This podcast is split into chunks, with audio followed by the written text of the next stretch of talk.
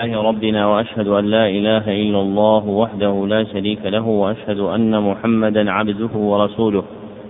أما بعد فهذا هو الدرس الثالث هذا هو الدرس التاسع عشر من برنامج الدرس الواحد السابع والكتاب المقروء فيه هو اللباب في تسلية المصاب للعلامة علي المقدسي. وقبل الشروع في إقرائه لا بد من ذكر مقدمتين اثنتين. المقدمة الأولى التعريف بالمصنف وتنتظم في ثلاثة مقاصد. المقصد الأول جر نسبه هو الشيخ العلامة علي بن أيوب ابن منصور المقدسي. يكنى بأبي الحسن. ويعرف بعليان.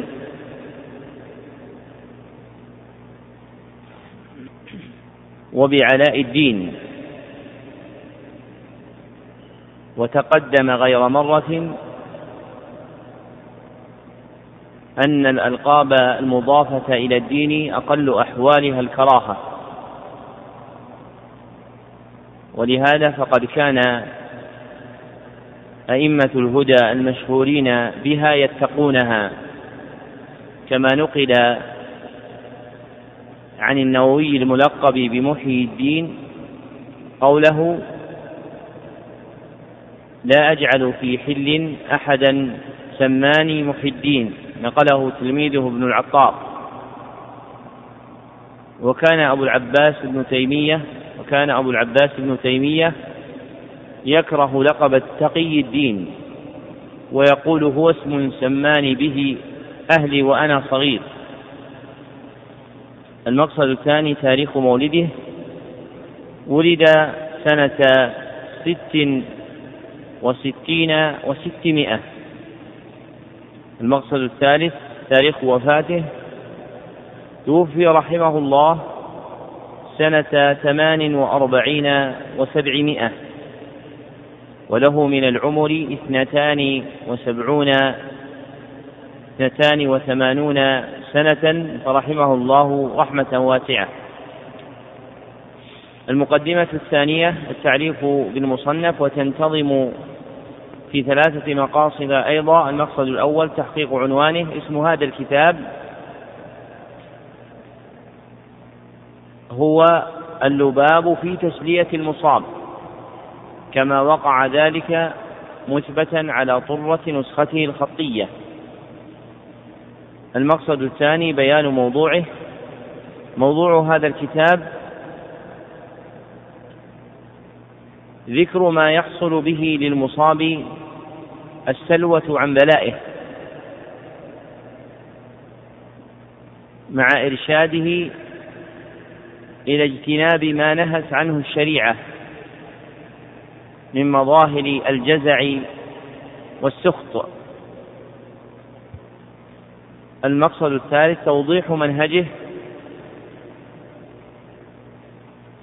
رتب المصنف رحمه الله رسالته الوجيزة في فصول حشاها بالآيات والأحاديث الشريفة. والآثار والحكايات اللطيفة. دون إتباع ذلك بكلامه. إلا في مواضع يسيرة.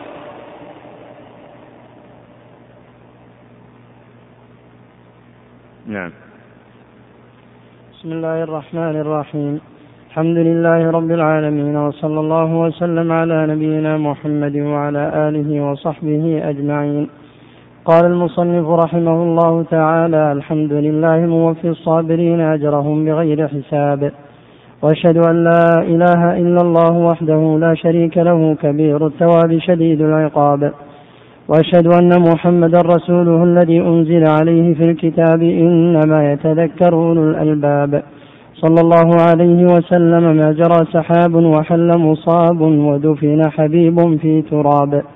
أما بعد فإن في الصبر على المصائب والبلايا والمحن والرزايا ما يعقب الأجر ويشرح الصدر. وفي الجزع والتسخط بالقضاء ما يحبط الأجر ويعظم الوزر. وقد ابتلى الرب سبحانه عباده في هذه الدار بالسراء والضراء. وفرض عليهم الصبر عند البلاء والشكر عند الرخاء ليجزيهم بذلك في دار البقاء بما كان منهم في دار الفناء. وهذه كلمات سطرتها ترغيبا في تسلية مصاب لأشاركه في الثواب. قوله رحمه الله وقد ابتلى الرب سبحانه عباده في هذه الدار بالسراء والضراء إلى آخره تقرير لأصل عظيم من أصول الحكمة الإلهية في كون هذه الدار مطبوعة على جمع المتناقضين من الخير والشر والسراء والضراء والسعادة والشقاوة والصحة والمرض والحياة والموت تحقيقا للابتلاء بها كما قال الله سبحانه وتعالى ولنبلونكم بشيء من الخوف والجوع ونقص من الأموال والأنفس والثمرات. الآية وقوله تعالى ونبلوكم بالشر والخير فتنة. وفي سنن ابن ماجه بسند صحيح عن معاوية رضي الله عنه أن النبي صلى الله عليه وسلم قال لم يبق من الدنيا إلا بلاء وفتنة. وكان أبو العباس ابن تيمية رحمه الله تعالى يتمثل كثيرا ببيتي أبي الحسن التهامي وهما طبعت على كدر وأنت تريدها صفوا من الأكدار والأقدار ومكلف الأيام ضد طباعها متلمس في الماء جدوى نار. ومن القواعد الكبار التي اعتنى شيخ الإسلام ابن تيمية رحمه الله تعالى ببيانها دفعا لمعرة الابتلاء الواقعة في هذه الدنيا ما ذكره مرات بقوله الواجب على العبد فعل المأمور وترك المحظور والصبر على المقدور. لأن العبد لا ينفك من عروض هذه الثلاثة وفي كل واحد منها أمر شرعي على ما ذكر. نعم. عن عبد الله بن مسعود رضي الله عنه عن النبي صلى الله عليه وسلم قال من عزى مصابا فله مثل أجره. وعن أبي برزة رضي الله عنه عن النبي صلى الله عليه وسلم قال من عزى ثكلا كسي بردا في الجنة. رواهما الترمذي وغيره. وعن عمرو بن حزم عن النبي صلى الله عليه وسلم قال ما من مؤمن يعزي أخاه بمصيبة إلا كساه الله عز وجل من حلل الكرامة يوم القيامة. إسناده حسن رواه ابن ماجه. واعلم أن التعزية هي التصبير وذكر ما يسلي صاحب الميت. ويخفف حزنه ويهون ويهون مصيبته وهي مستحبة فإنها أمر بمعروف ومعاونة على البر والتقوى والله في عون العبد ما كان العبد في عون أخيه.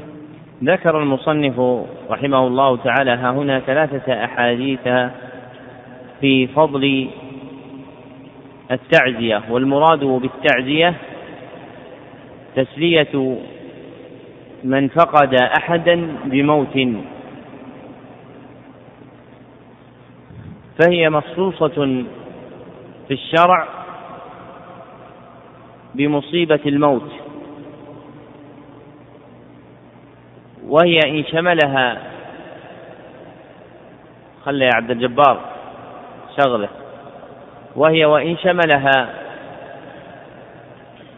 اسم المصيبة في مال أو غيره من جهة اللغة أعني تعزية من أصيب في ماله أو غير ذلك إلا أن الشرع خصها بالتسلية في مصيبة الموت.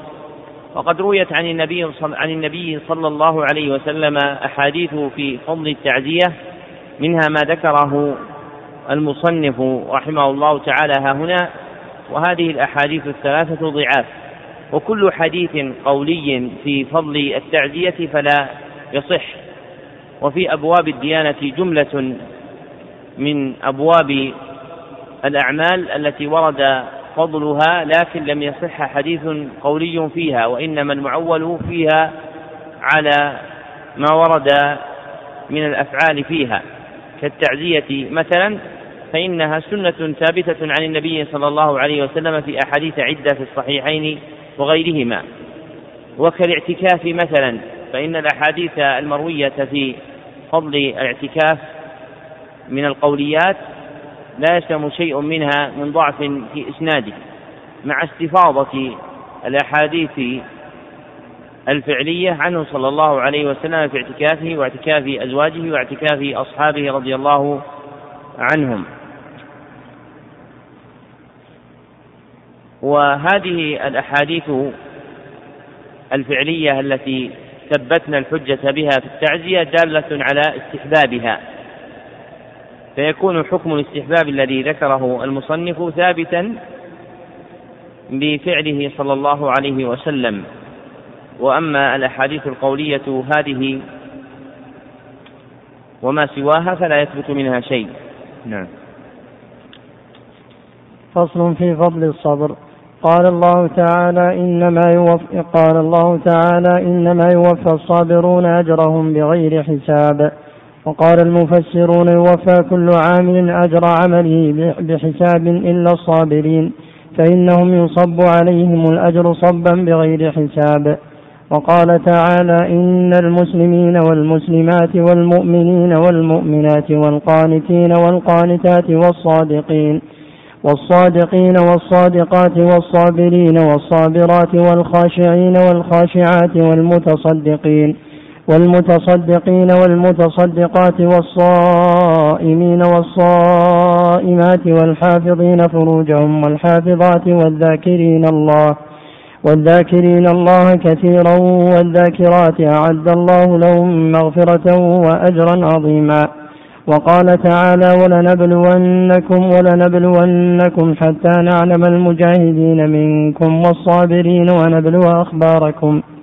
وقال تعالى وإن تصبروا وتتقوا فإن ذلك من عزم الأمور. وقال تعالى ولنبلونكم بشيء من الخوف والجوع ونقص من الأموال والأنفس والثمرات. وبشر الصابرين الذين إذا أصابتهم مصيبة قالوا إنا لله وإنا إليه راجعون. أولئك عليهم صلوات من ربهم ورحمة وأولئك هم المهتدون. وقال صلى الله عليه وسلم والصبر ضياء. وقال صلى الله عليه وسلم الصبر نصف الإيمان. وقال صلى الله عليه وسلم واعلم أن النصر مع الصبر وأن الفرج مع الكرب وأن مع العسر يسرا. وقال صلى الله عليه وسلم وما أعطي أحد عطاء ما أعطي عطاء أحدا خيرا وأوسع من الصبر. وفي صحيح مسلم عن صهيب رضي الله عنه قال قال رسول الله صلى الله عليه وسلم عجبا لأمر المؤمن إن أمره كله خير وليس ذلك لأحد إلا للمؤمن. إن أصابته سراء شكر فكان خيرا له وإن أصابته ضراء صبر فكان خيرا له. وعن أبي هريرة رضي الله عنه قال قال رسول الله صلى الله عليه وسلم ما يزال البلاء بالمؤمن والمؤمن والمؤمن والمؤمنة في نفسه وولده وماله حتى يلقى الله تعالى وما عليه خطيئة. وقال صلى الله عليه وسلم إن عظم الجزاء من عظم البلاء وإن الله تعالى إذا أحب قوما ابتلاهم فمن رضي فله الرضا ومن سخط فله السخط. عقد المصنف رحمه الله تعالى هذا الفصل لبيان فضيلة الصبر وذكر فيه قول الله سبحانه وتعالى إنما يوفى الصابرون أجرهم بغير حساب ودلالة هذه الآية على فضيلة الصبر ظاهرة في أن الله سبحانه وتعالى وعد الصابرين توفيتهم أجرهم بغير حساب. قال بعض أهل العلم بالتفسير ما من عامل يعمل عملا إلا وينتهي عمله إلا إلى حساب إلا ما رجع إلى أصل حبس النفس وهو الصبر والصيام. فأما الصبر ففيه هذه الآية وأما الصيام ففيه الحديث الإلهي في الصحيحين الصيام لي وأنا أجزي به. وتكفل الله سبحانه وتعالى به دليل على وفرة ما أعده لصاحبه. وإنما استكن هذا الأجر العظيم في الحبس لأن أعظم مشقة على النفس هي حبسها على مألوفاتها. وأصل الصبر هو حبس النفس. واختلف أهل العلم في ذكر حده بما لا يسلم شيء منه من معارضة ونقد سوى ما تقدم تحريره مما ذكرناه غير مرة أن الصبر في الشرع هو حبس العبد نفسه على أمر الله. وقولنا على أمر الله يشمل نوعين اثنين. أحدهما الأمر الكوني القدري والمراد به ها هنا ما لم يكن منه ملائما للعبد. فإن الملائم من سعة العيش ورغده وطيب الحياة لا يحتاج إلى صبر. فالحكم الكوني القدري هنا المخصوص بالصبر هو الذي لا يلائم العبد.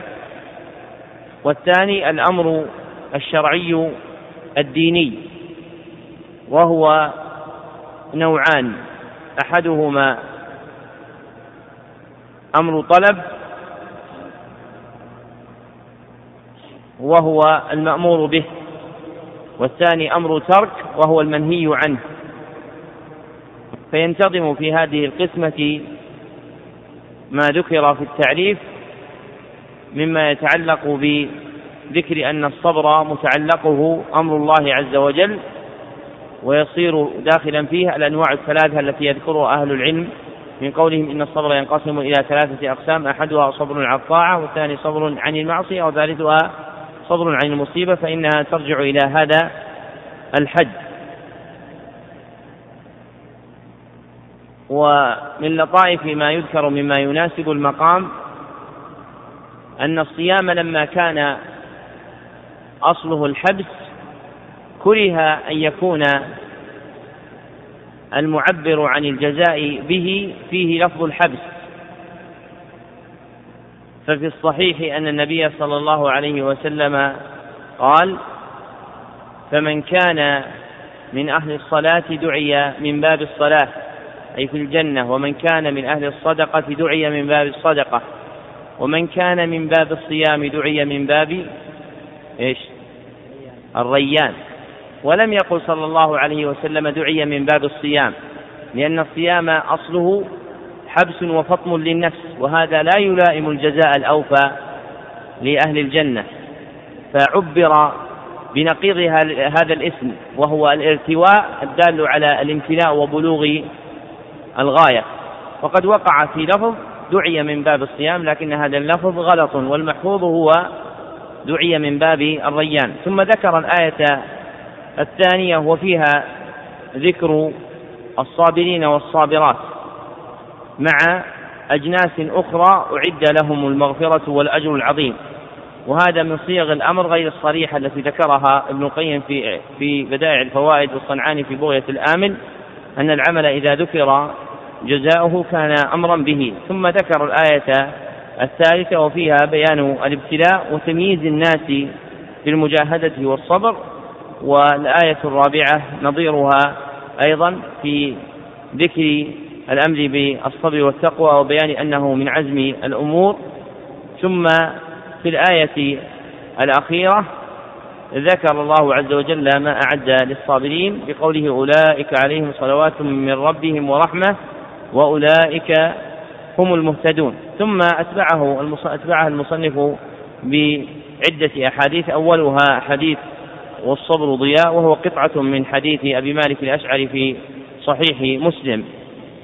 والمراد بالضياء النور الذي فيه حرارة وإشراق دون إحراق. وهكذا هو الصبر يكون فيه شدة على النفس لكنه يشرق بها ولا يضرها. ثم ذكر الحديث الثاني وهو حديث الصبر نصف الإيمان الذي رواه أبو نعيم الأصبهاني في الحلية في آخرين وإسناده ضعيف.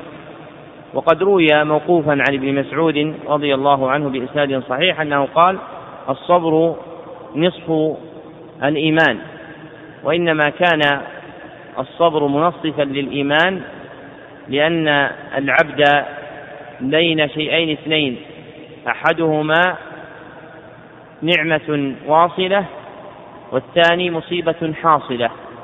فالنعمة الواصلة حقها الشكر والمصيبة الحاصلة حقها الصبر فصار الإيمان منقسما بهذه القسمة. ثم أتبعه بحديث واعلم أن النصر مع الصبر وهو قطعة من وصية النبي صلى الله عليه وسلم لابن عباس وهي عند الترمذي واللفظ المذكور ها هنا هو عند أحمد. وهذه القطعة رويت بأسانيد عدة تثبت بها هذه الجملة.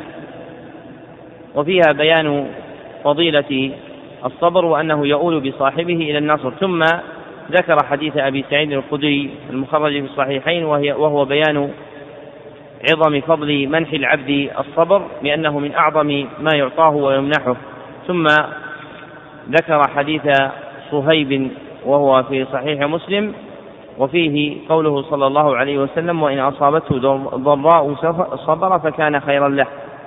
وفي قوله صلى الله عليه وسلم وليس ذاك لأحد إلا للمؤمن خبر بأن وجود هذين الشيئين وهما الشكر في السراء والصبر في الضراء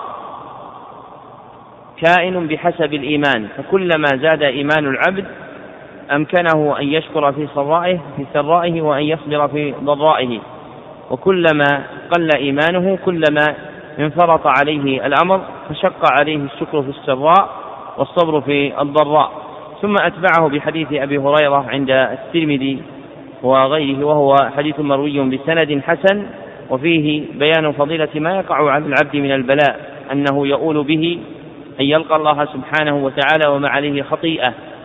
فإن الذنوب تكفر بأسباب عدة ولشيخ الإسلام بن تيمية رحمه الله تعالى قاعدة في ذكر أسباب أسباب تكفر بها الذنوب وعد فيها أبو العباس بن تيمية رحمه الله تعالى عشرة من الأسباب في غير موضع من كتبه وساقها مختصرة تلميذه ابن القيم في إعلام الموقعين. ثم ختم بحديث أنس عند الترمذي بسند حسن وفيه أن النبي صلى الله عليه وسلم أخبر أن من صبر على البلاء الذي يجريه الله عز وجل عليه ورضي فله الرضا ومن تسخط وجزع فله السخط من ربه عز وجل. نعم. فصل فيما يقوله من مات له ميت من الاسترجاع والحمد والشكر. في صحيح مسلم عن أم سلمة رضي الله عنها قالت سمعت رسول الله صلى الله عليه وسلم يقول ما من عبد تصيبه مصيبة فيقول إنا لله وإنا إليه راجعون. اللهم أجرني في مصيبتي واخلف لي خيرا منها. إلا آجره الله تعالى في مصيبتي وأخلف له خيرا منها. قلت فلما توفي أبو سلمة قالت فلما توفي أبو سلمة قلت كما أمرني. أعد أعد في صحيح مسلم. وفي صحيح مسلم عن أم سلمة رضي الله عنها قالت سمعت رسول الله صلى الله عليه وسلم يقول أن يا إخوان تعذرون أحيانا ننقطع بسبب الجوال لأن أحيانا تأتي بعض الرسائل التي لا ترد هذه رسالة جاءت من بلاد بعيدة فمثلها أحيانا تنقطع. وأنا قد يعني أكره هذا من نفسي لكن لاضطراري إلى مثل هذا يحصل مثل هذا. فلما قرأ ذهلت عنه. أعد. في صحيح مسلم عن أم سلمة رضي الله عنها قالت سمعت رسول الله صلى الله عليه وسلم يقول ما من عبد تصيبه مصيبة فيقول إنا لله وإنا إليه راجعون. اللهم أجرني في مصيبتي واخلف لي خيرا منها. أجرني بكسر الجيم. ويجوز فيها مد الهمزة وعدم مدها. آجرني وأجرني. نعم. اللهم اخلفني في مصيبتي وأجرني اللهم ما اللهم أجرني في مصيبتي واخلف لي خيرا منها إلا آجره الله تعالى في مصيبته وأخلف له خيرا منها. قالت فلما توفي أبو سلمة قلت كما أمرني رسول الله صلى الله عليه وسلم فأخلف الله لي تعالى خيرا منه رسول الله صلى الله عليه وسلم. وفي سنن أبي داود عن أم سلمة أيضا زوج النبي صلى الله عليه وسلم ورضي الله عنها قالت قال رسول الله صلى الله عليه وسلم إذا أصابت أحدكم مصيبة فليقل إنا لله وإنا إليه راجعون. اللهم عندك أحتسب مصيبتي فأجر فأجرني فيها وأبدل لي بها خيرا منها. وفي كتاب الترمذي وقال إنه حديث حسن.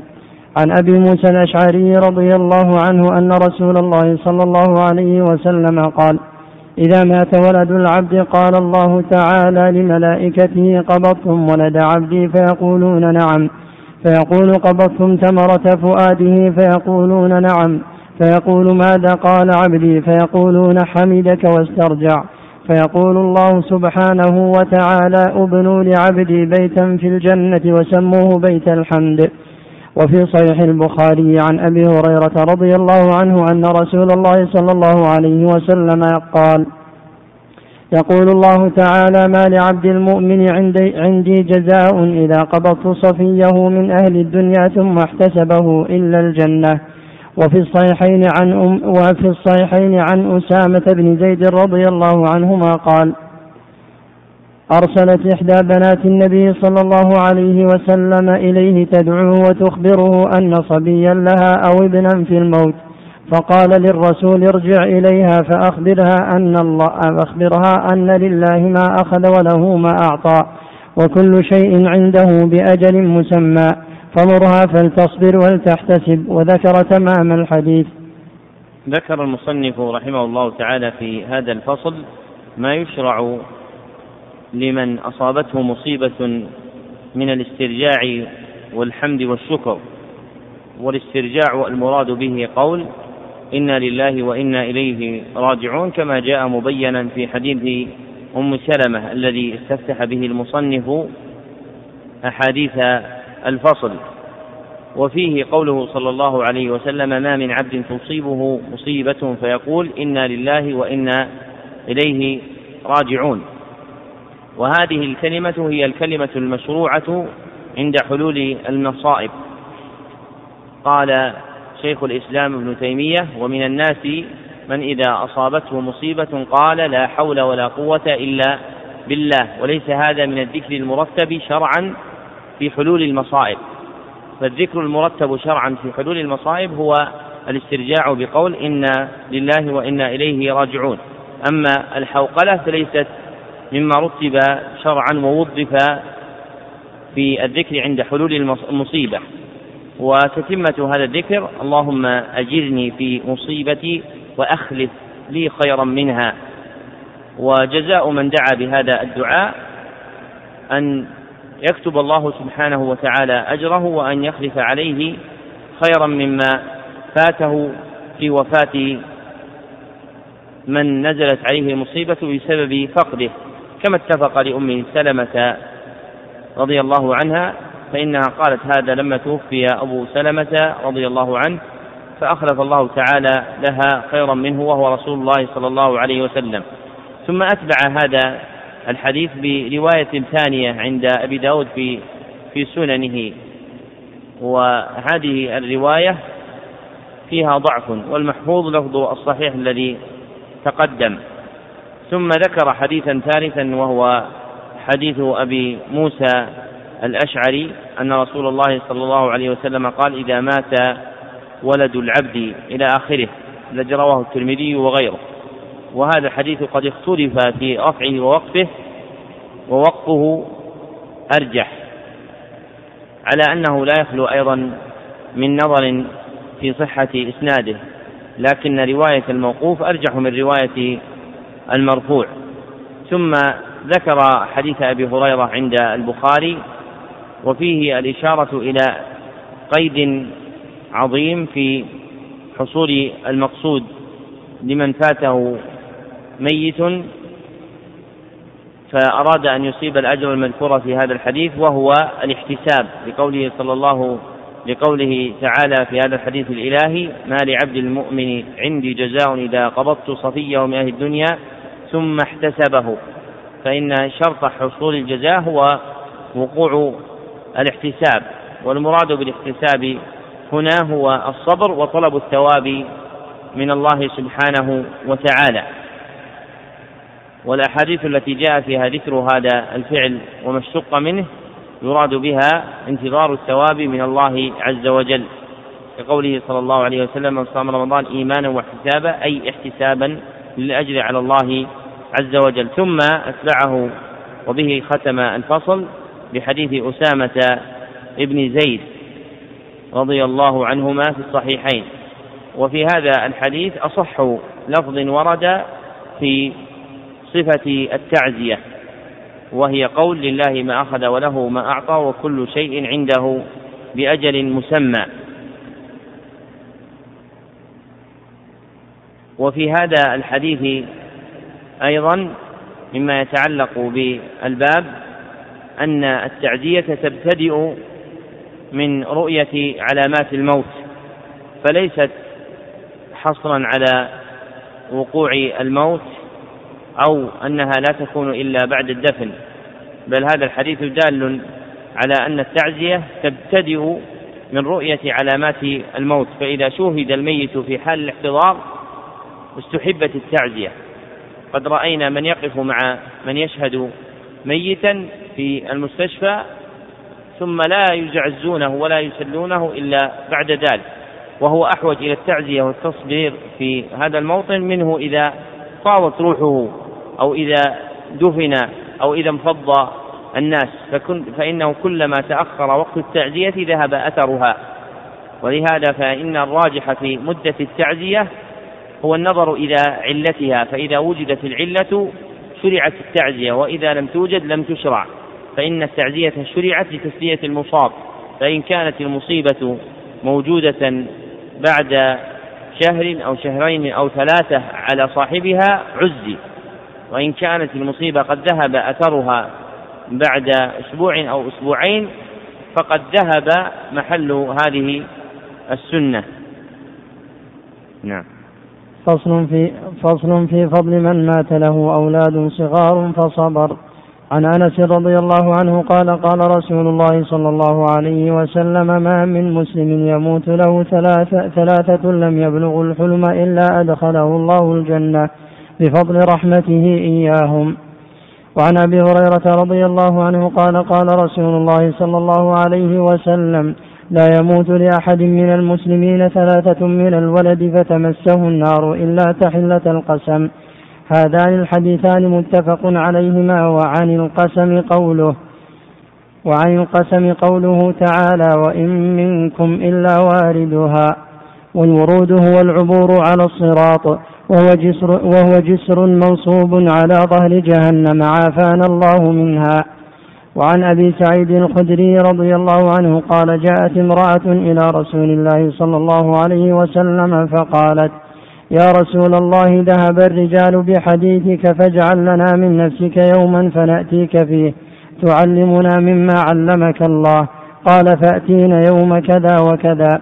فاجتمعنا فأتاهن النبي صلى الله عليه وسلم فعلمهن مما علمه الله ثم قال ما منكن من امرأة تقدم ثلاثة من الولد إلا كانوا لها حجابا من النار.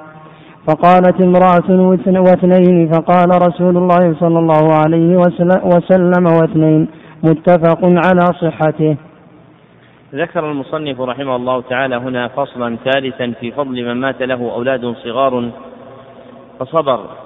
واستفتحه بذكر حديث أنس في الصحيح وفيه ما من مسلم يموت له ثلاثة لم يبلغ الحلم يعني البلوغ إلا أدخله الله الجنة بفضل رحمته إياهم. ثم أتبعه بحديث أبي هريرة في معناه وفيه قوله لا يموت لأحد من المسلمين ثلاثة من الولد فتمسه النار إلا تحلة القسم. وهذا كثير من أهل العلم رأوا أن تحلة القسم يعني ما ذكره المصنف من قوله وعن القسم قوله تعالى وإن منكم إلا واردها فلا تمسه النار إلا بالورود الذي هو العبور على الصراط. وذهب بعض أهل العلم إلى أن العرب تستعمل هذه اللفظة لا تريد بها حقيقتها وإنما تريد الإعذار.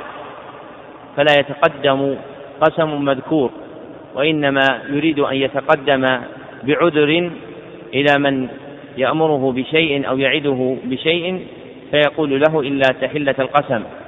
وهذا الثاني أظهر ليس في الآية سياق قسم وإنما جرى هذا على هذه السنة العربية في كلام العرب.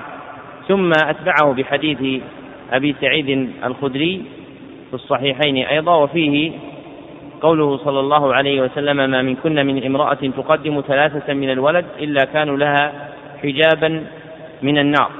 وهذا الحديث هو بمعنى الأحاديث السابقة. إلا أنه زاد بذكر الاثنين لأن المرأة قالت واثنين فقال رسول الله صلى الله عليه وسلم واثنين.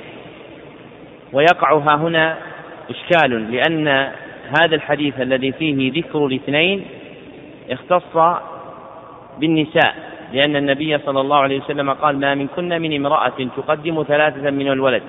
الحديث. ثم حصل الاستدراك بقول واثنين فقال صلى الله عليه وسلم واثنين. والأحاديث السالفة هي التي يقع فيها العموم باعتبار الرجال.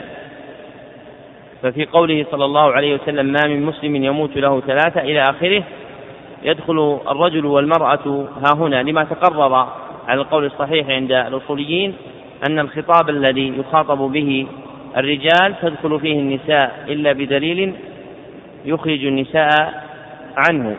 وكذلك في قوله لا يموت لأحد من المسلمين ثلاثة يكون كذلك شاملا للرجال والنساء. فهل يقال إن الأبوين اللذين فقدا ثلاثة أبناء فقد ابنين اثنين. هل يكون الأجر الواقع بالصبر مختصا بالمرأة؟ أم إن الرجل يحصل له هذا الثواب؟ ويقال إن الرجل لا يحصل له الثواب إلا إن مات له ثالث فإن مات له ثالث حصل الثواب. واضح الإشكال؟ واضح ولا واضح الحديثين الأولين تعلق الفضل فيهما بالرجال والنساء على حد ثواب شرط الثلاثة. والحديث الثاني تعلق الفضل فيه بالنساء فقط بشرط الاثنين. فإذا مات لأبوين ولدين اثنين هل يتحقق للرجل الثواب كما يتحقق للمرأة؟ لأن المرأة في الحديث الأخير قال ما من امرأة يموت لها ثم حصل استدراك باثنين فقال واثنين. فالمرأة متحقق لها جزما فهل يتحقق للرجل أم لا؟ فهمتم الإشكال؟ ها أبو أحمد. كيف؟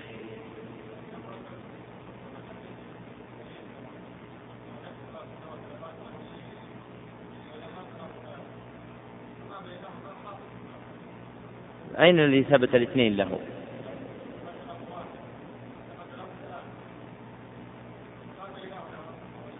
ما ما ثبت له واحد قال لا يموت لأحد المسلمين ثلاثة في الحديث هذا وفي الحديث اللي قبل ما المسلم يموت له ثلاثة.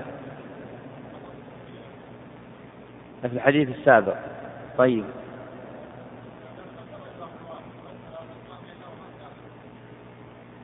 طيب. ما آه شاء الله.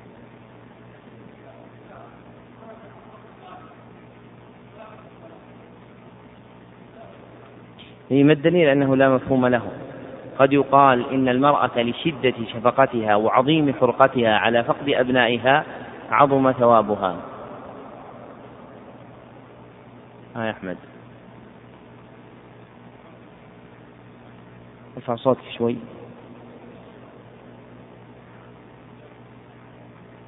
إيش؟ اللي هو الحديث الأول.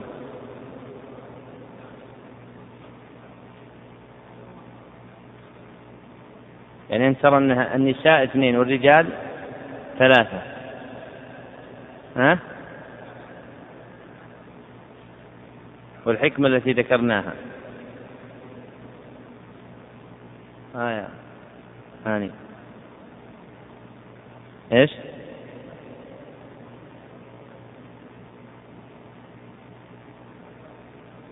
آه. لكن الثلاثة. إيه. الدليل ظاهر مما ذكره الأخ أبو أحمد. الدليل لأن الحديث السابق حديث أبي هريرة قال ما لعبد المؤمن عندي جزاء إذا قبضت صفيه من أهل الدنيا. كم قبض؟ واحد. إلا أدخلته ثم احتسبه إلا الجنة. فحصل له في الواحد هذا الجزاء. وحصل له في الثلاثة الجزاء. فما بينهما؟ هل يحصل ولا ما يحصل؟ يحصل. لكن هل هو دخول الجنة أم الحجب عن النار؟ الذي جاء في الأدلة إيش؟ أدخله الله الجنة. وإذا أدخله الله الجنة حجبه عن النار. فهمتم المسألة؟ نعيدها. نقول إن حديث أبي هريرة الثالث فيه ذكر أن من مات له صفي واحد ثم احتسبه فله الجنة. والحديث الذي أورده المصنف في الباب الحديثان اللذان أوردهما المصنف في الباب فيها ذكر الثلاثة. والاثنين عدد بين الواحد والثلاثة فكما يقع له الأقل والأعلى يقع له المتوسط بينهما. لكن الذي في ألفاظ هذين الحديثين هو الإدخال للجنة.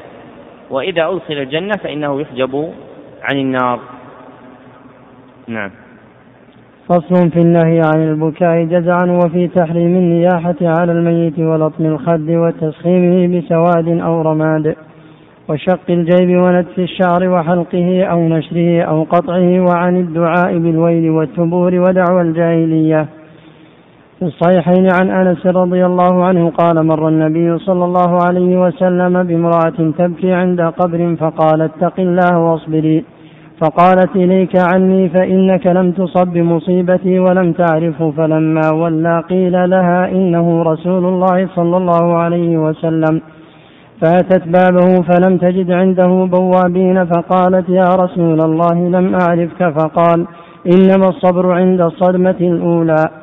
وعن عمر بن الخطاب رضي الله عنه قال قال رسول الله صلى الله عليه وسلم الميت يعذب في قبره بما نيح عليه متفق عليه. وعن ابن مسعود رضي الله عنه قال قال رسول الله صلى الله عليه وسلم ليس منا من ضرب الخدود وشق الجيوب ودعا بدعوى الجاهلية. متفق عليه أيضا. دعوى الجاهلية مثل قوله واخلاه وكهفاه وعزاه وآل ويا ويا لقيس ويا لعمر ويا للمهاجرين ونحو ذلك. وعن أبي بردة وعن أبي بردة قال وجع أبو موسى الأشعري ورأسه في حجر امرأة من أهله فأقبلت امرأته تصيح برنة فلم يستطع أن يرد عليها شيئا. فلما أفاق قال فقال أنا بريء ممن برئ منه رسول الله صلى الله عليه وسلم. بريء من الصالقة والحالقة والشاقة متفق عليه أيضا. الصالقة هي التي ترفع صوتها بالنياحة والندب والحالقة هي التي تحلق تحلق رأسها عند المصيبة والشاقة هي التي تشق ثوبها.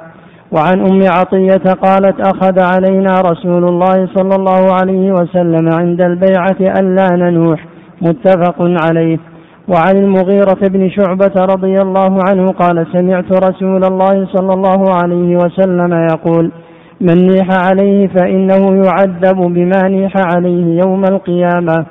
وعن النعمان بن بشير رضي الله عنهما قال أغمي على عبد الله بن رواحة فجعلت أخته تبكي فجعلت أخته تبكي واجبلا وكذا وكذا تعدد عليه. فقال حين أفاق ما قلت شيئا إلا قيل لي أنت كذلك رواه البخاري. أنت كذلك رواه البخاري. وعن أبي مالك الأشعري رضي الله عنه قال قال رسول الله صلى الله عليه وسلم النائحة إذا لم تتم قبل موتها تقام يوم القيامة وعليها سربال من قطران ودرع من جرب. رواه مسلم. وقال صلى الله عليه وسلم إن الله لا يعذب بدمع العين ولا بحزن القلب ولكن يعذب بهذا وأشار إلى لسانه أو يرحم. متفق عليه. وعن أسيد بن أبي أسيد التابعي عن امرأة من المبايع. وعن أسيد بن أبي أسيد التابعي رضي الله عنه. وعن أسيد بن أبي أسيد التابعي عن امرأة من المبايعات قالت كان فيما أخذ علينا. أسماء أسيد وأسيد. وهذا من من بالفتح. نعم. كان فيما أخذ علينا رسول الله صلى الله عليه وسلم في المعروف الذي أخذ علينا أن لا نعصيه فيه أن لا نخمش وجها ولا ندعو ويلا ولا نشق جيبا ولا ننشر شعر ولا ننشر شعرا. رواه أبو داود بإسناد حسن. وعن أبي موسى رضي الله عنه أن رسول الله صلى الله عليه وسلم قال ما من ميت يموت فيقوم باكي باكيه فيقول واجب له وسيدا ونحو ذلك إلا وكل به ملكان يلهزانه أهكذا كنت. رواه الترمذي وقال حديث حسن. اللهز الدفع بجمع اليد في الصدر. وفي صحيح مسلم عن أبي هريرة رضي الله عنه قال قال رسول الله صلى الله عليه وسلم اثنان في الناس هما بهم كفر. اثنتان في الناس هما بهم كفر الطعن في النسب والنياحة على الميت. والنياحة رفع الصوت بالندب وكذا تعديد النادبة. بصوتها محاسن الميت وقيل هو البكاء عليه مع تعديد محاسنه.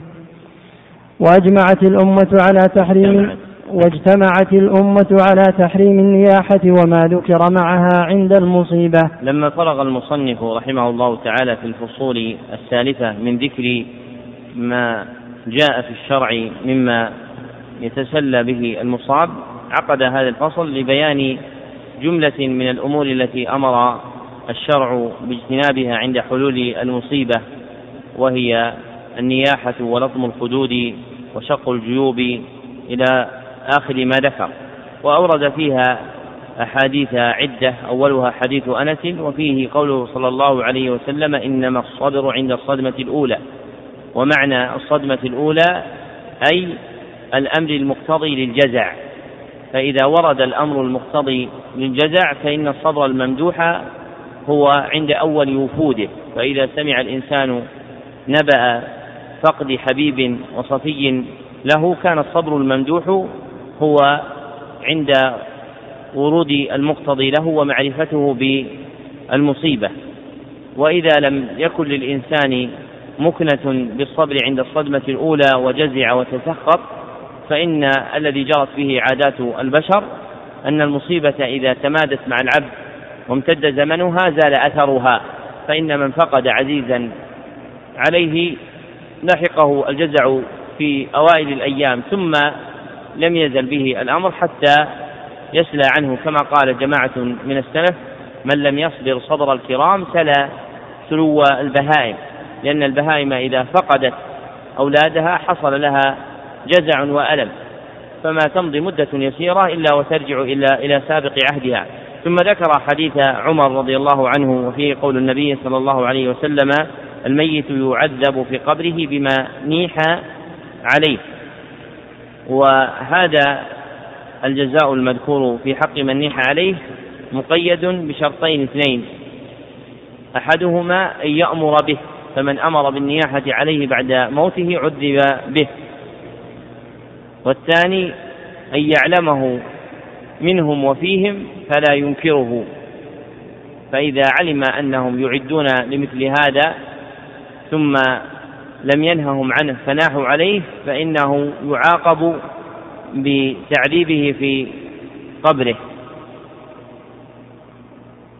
وليس المراد بالعذاب هو العقاب وإنما يراد بالعذاب انقطاع العبد عن المقصود الأكبر من الكمال كما في حديث أبي هريرة كما في حديث الصحيحين. أن النبي صلى الله عليه وسلم وهو حديث أبي هريرة السفر قطعة من العذاب فليس المقصود بالعذاب العقاب ولكن المقصود انقطاع الإنسان عن حاله الكاملة. لقوله صلى الله عليه وسلم فإذا قضى أحدكم نهمته قال فإنه يقطع أحدكم. قال السفر قطعة من العذاب يمنع أحدكم طعامه وشرابه ونومه. فإذا قضى أحدكم نهمته من سفره فليعجل إلى أهله فأخبر عن المقطوع هنا وهو النعيم الذي يقع التلدد به مما ذكر صلى الله عليه وسلم. ثم أتبعه المصنف بحديث ابن مسعود رضي الله عنه وفيه ليس منا من ضرب الخدود وشق الجيوب ودعا بدعوى الجاهلية. ودعوى الجاهلية المراد بها الألفاظ التي كان يتجزع بها أهلها فيظهرون الجزع بالمصيبة بهذه الألفاظ كقولهم الله وكفاه وعزاه إلى آخره. ومن جملة هذه الألفاظ التي ذكر الباقية في لسان الناس قولهم يا عزتي لفلان فإن هذه أصلها هي ندب الجاهلية وأعزاه فتكون من جملة الممنوع.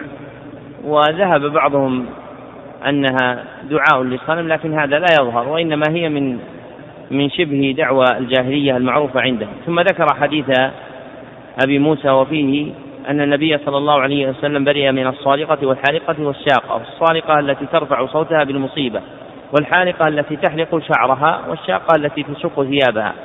ثم أتبعه بحديث أم عطية قالت أخذ علينا رسول الله صلى الله عليه وسلم عند البيعة ألا ننوح.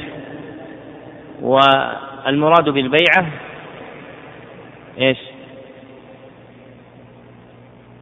مرت علينا البارح بعد المغرب. ما الجواب؟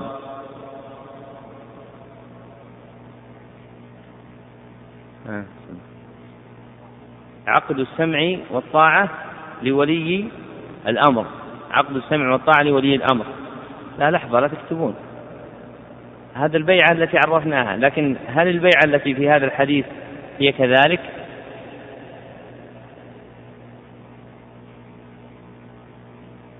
هل بيعة النساء للنبي صلى الله عليه وسلم هي عقد سمع وطاعة لولي الأمر فيشرع بيعة النساء ولا يتم الحكم إلا برأيهن؟ يا أحمد. عقد الطاعة. هذا عقد الطاعة في الدين وليس عقد سمع وطاعة لأن عقد السمع والطاعة لولي الأمر مختص بالرجال. والدليل على ذلك إجماع الصحابة على تخصيص هذا بالنبي صلى الله عليه وسلم. فلم تعد بيعة النساء حقا لغيره بعده فلم يبايعن أبا بكر ولا عمر ولا عثمان ولا عليا رضي الله عنهم واختص ذلك ببيعة الطاعة في الدين للنبي صلى الله عليه وسلم.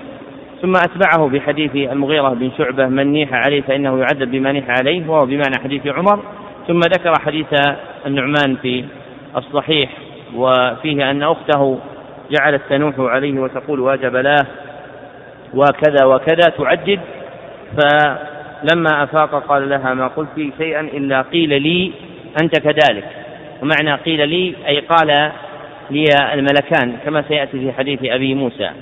ثم أورد حديث أبي مالك الأشعري في الصحيح وفيه بيان عقوبة النائحة إذا لم تتب أنها تقام يوم القيامة ويكون عليها لباس من جنس النار. فيكون عليها سربال من قطران وجرع من جرب. ثم أتبعه ببيان المأذون به وهو دمع العين وحزن القلب وأن العذاب يتعلق بتسخط اللسان وجزعه. ثم أتبعه بحديث امرأة من المبايعات وفيها ذكر البيعة على المعروف وألا يخمشن وجها ولا يدعون ولا يدعين ويلا ولا يشققن جيبا ولا ينشرن شعرا. ثم ذكر بعده حديث أبي داود آه، حديث أبي موسى الأشعري عند الترمذي وإسناده حسن. وفيه بيان أن الذي يقول ما تقدم ما قلت شيئا إلا قيل لك أنت كذلك أنهما ملكان يلهزانه والمقصود بالله يدفعان في في صدره.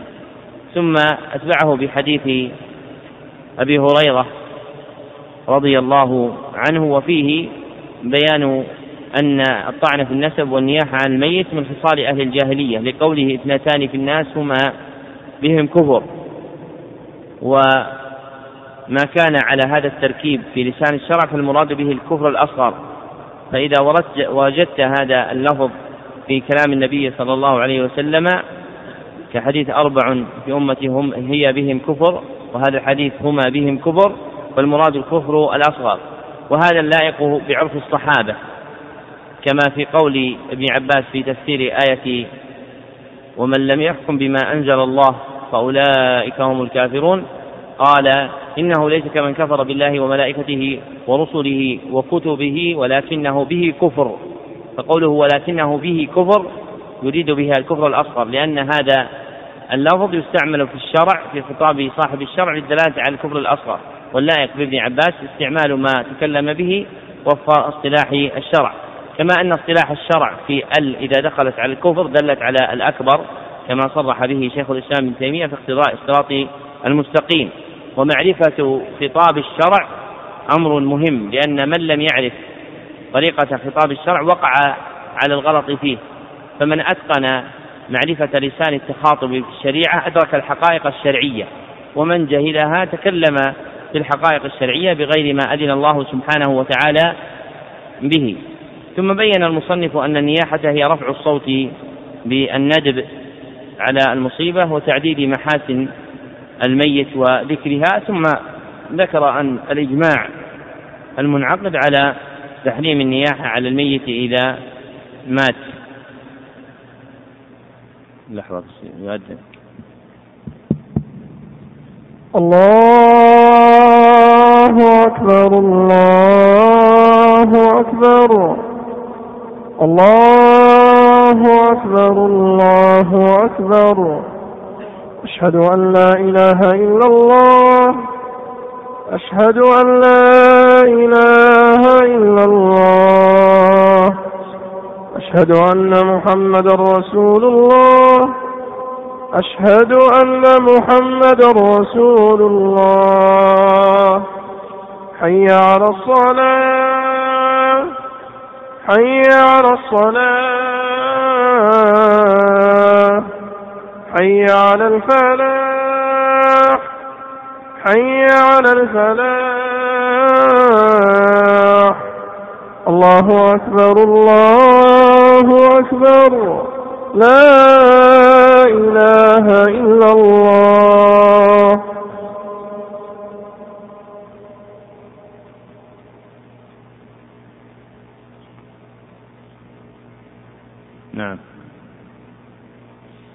والذي ينفع الميت قضاء دينه والترحم عليه والاستغفار والتصدق عنه وقضاء حقوق الله من حج وزكاة ونحوها.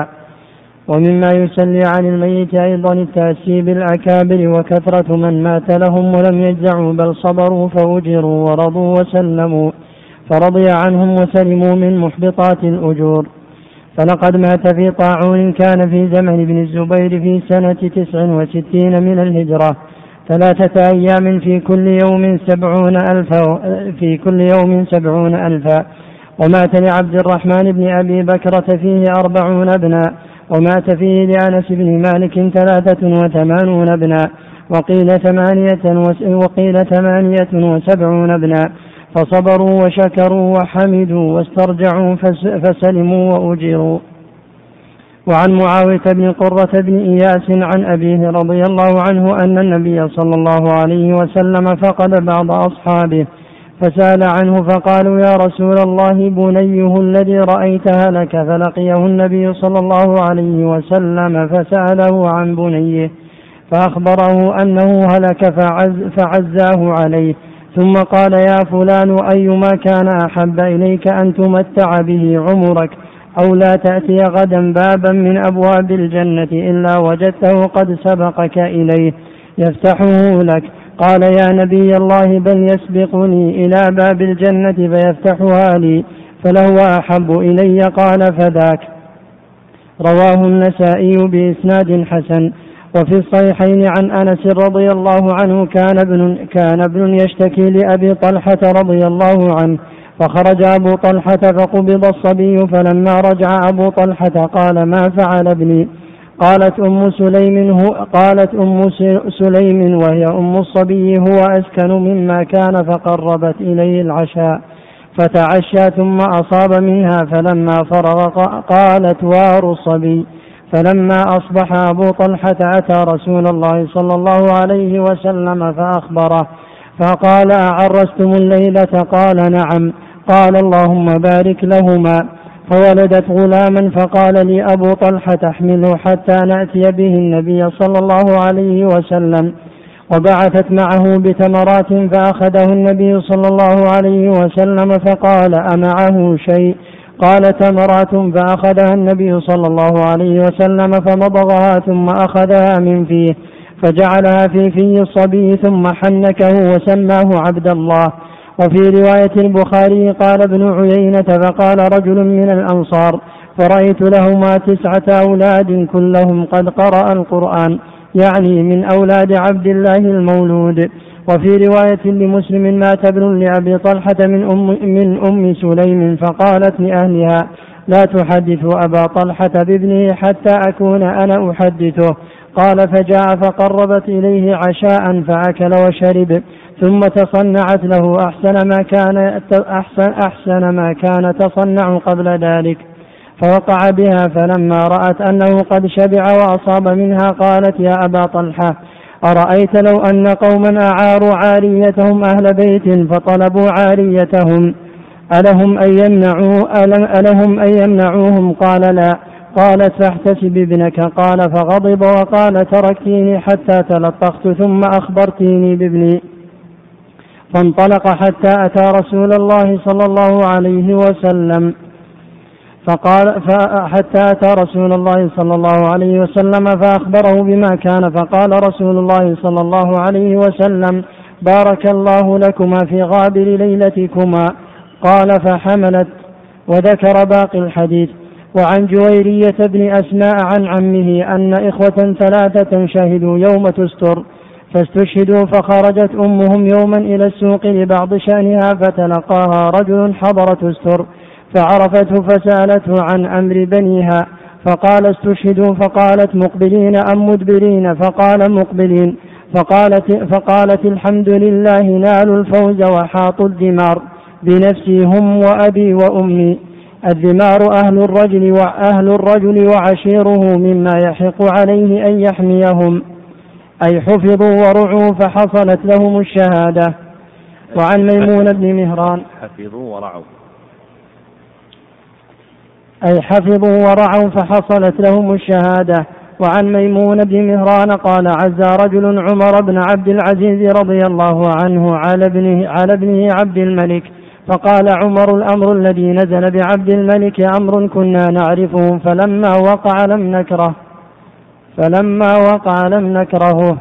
وقال عمر بن عبد العزيز على وقام عمر بن عبد العزيز على قبر ابنه هذا فلما دفن قال رحمك الله يا بني قد كنت سارا مولودا وبارا ناشئا وما أحب أني دعوتك فأجبتني.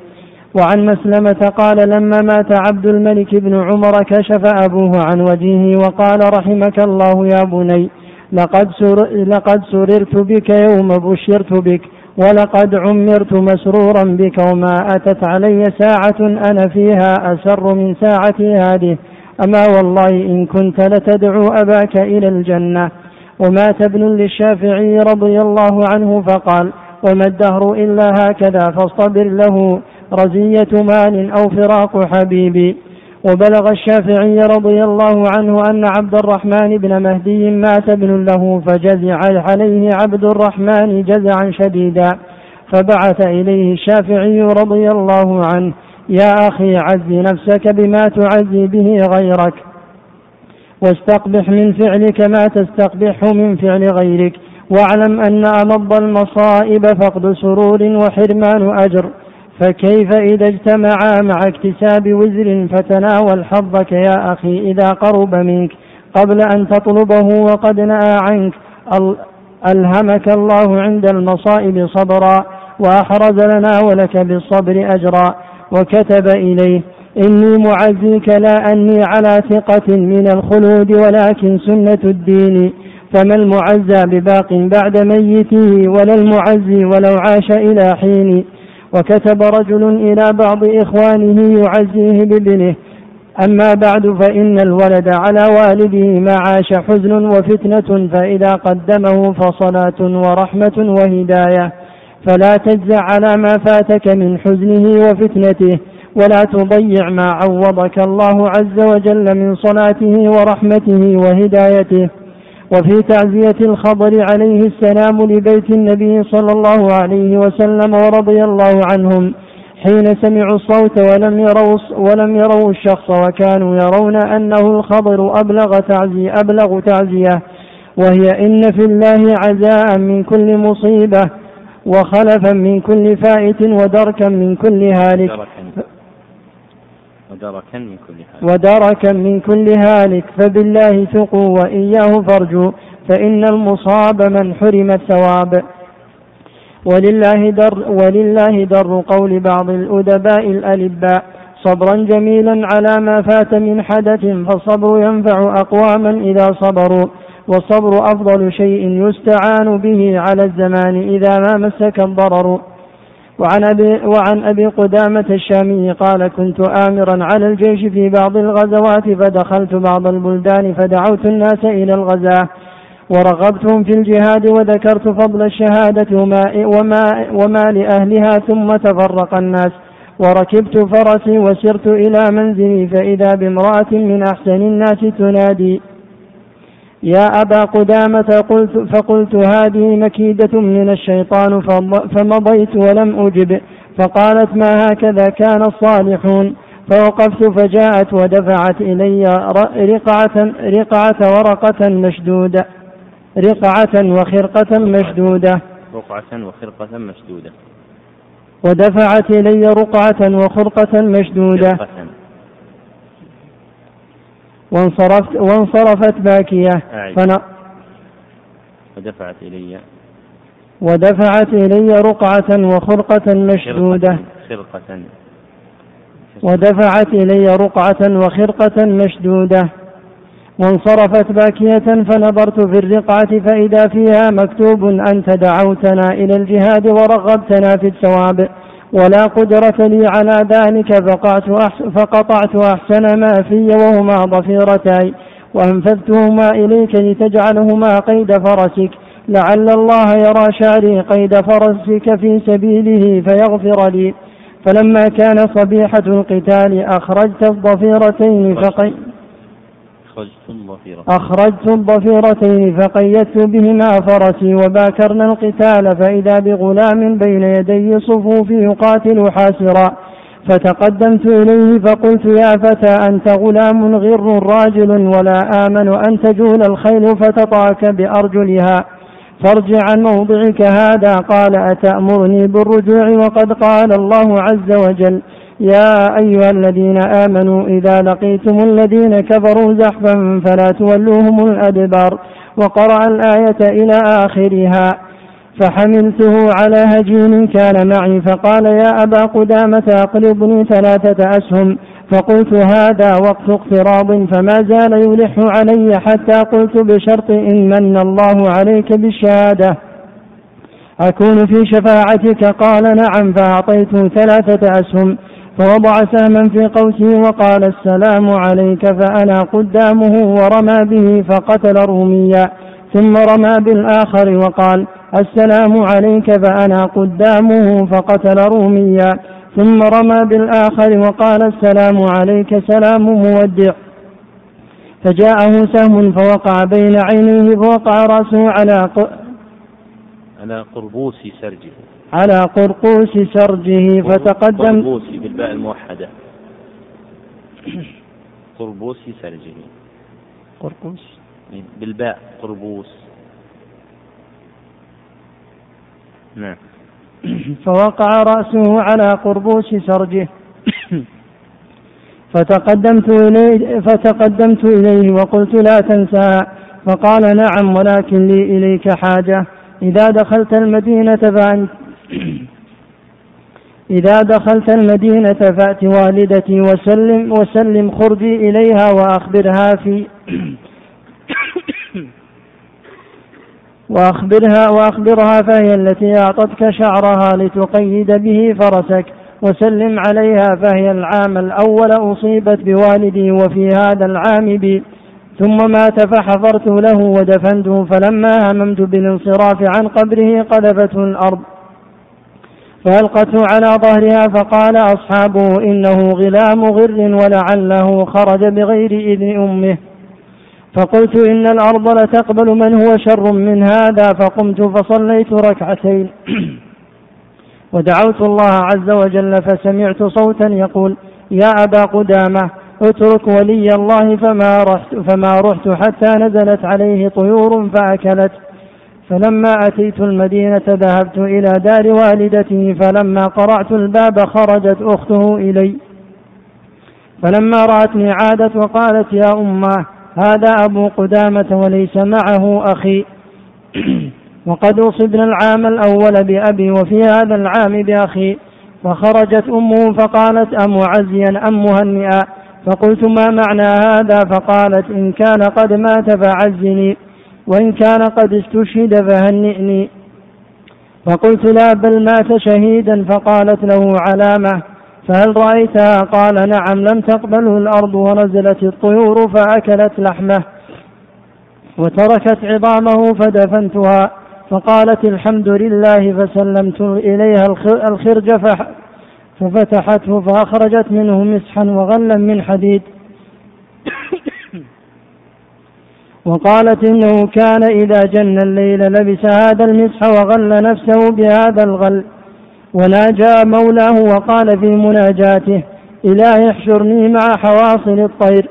فاستجاب الله سبحانه دعاءه ورحمنا الله وإياه. وفي ذكر الموت ونقص الأمل أعظم مصطبر ومزدجر وأحسن معتبر وأرجى مدخر. قال الله تعالى كل شيء هالك إلا وجهه له الحكم وإليه ترجعون. وقال تعالى كل من عليها فان ويبقى وجه ربك ذو الجلال والإكرام. وقال تعالى لنبيه صلى الله عليه وسلم وما جعلنا لبشر من قبلك الخلد أفإن مت فهم الخالدون. كل نفس ذائقة الموت ونبلوكم بالشر والخير فتنة وإلينا ترجعون. وقال تعالى إنك ميت وإنهم ميتون ثم إنكم يوم القيامة عند ربكم تختصمون. وقال صلى الله عليه وسلم الجنة أقرب إلى أحدكم من شراك نعله والنار مثل ذلك. أنقذنا الله من رقدة الغافلين وجعلنا من الصابرين الشاكرين الحامدين المستيقظين. وهو حسبنا ونعم الوكيل. ولا حول ولا قوة إلا ولا حول ولا قوة إلا بالله العظيم العلي العظيم. وصلاته وسلامه على سيدنا محمد خاتم خاتم النبيين وعلى آله وصحبه وسلم. بين المصنف رحمه الله تعالى في هذه الجملة مما يحصل به تسلي المصاب أن يتأسى بالأكابر. الذين مات لهم من مات فصبروا ورضوا وسلموا فأعظم الله عز وجل ثوابهم. كما اتفق في زمن ابن الزبير في طاعون الجارف الذي مات فيه خلق كثير منهم أبناء جماعة من الصحابة كأنس بن مالك الذي مات له ثلاثة وثمانون ابناء فإنه لم يمت إلا وقد دفن أكثر من مئة وعشرين من أولاده وأولاد أولاده وممن مات منهم كثير في طاعون الجارف وكذلك اتفق لعبد الرحمن بن أبي بكرة مات له فيه أربعون ابنا.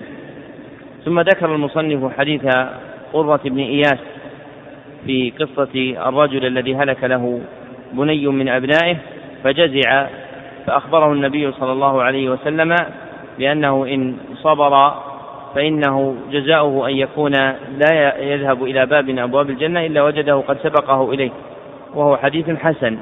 ثم أتبعه بقصة أم سليم وأبي طلحة لما فقدت وليدها وكان مريضا ثم أتاها زوجها وبارك الله عز وجل لهما في تلك الليلة فصار من ذرية ذلك الولد واسمه عبد الله خلق كثير نبلوا وظهر فضلهم.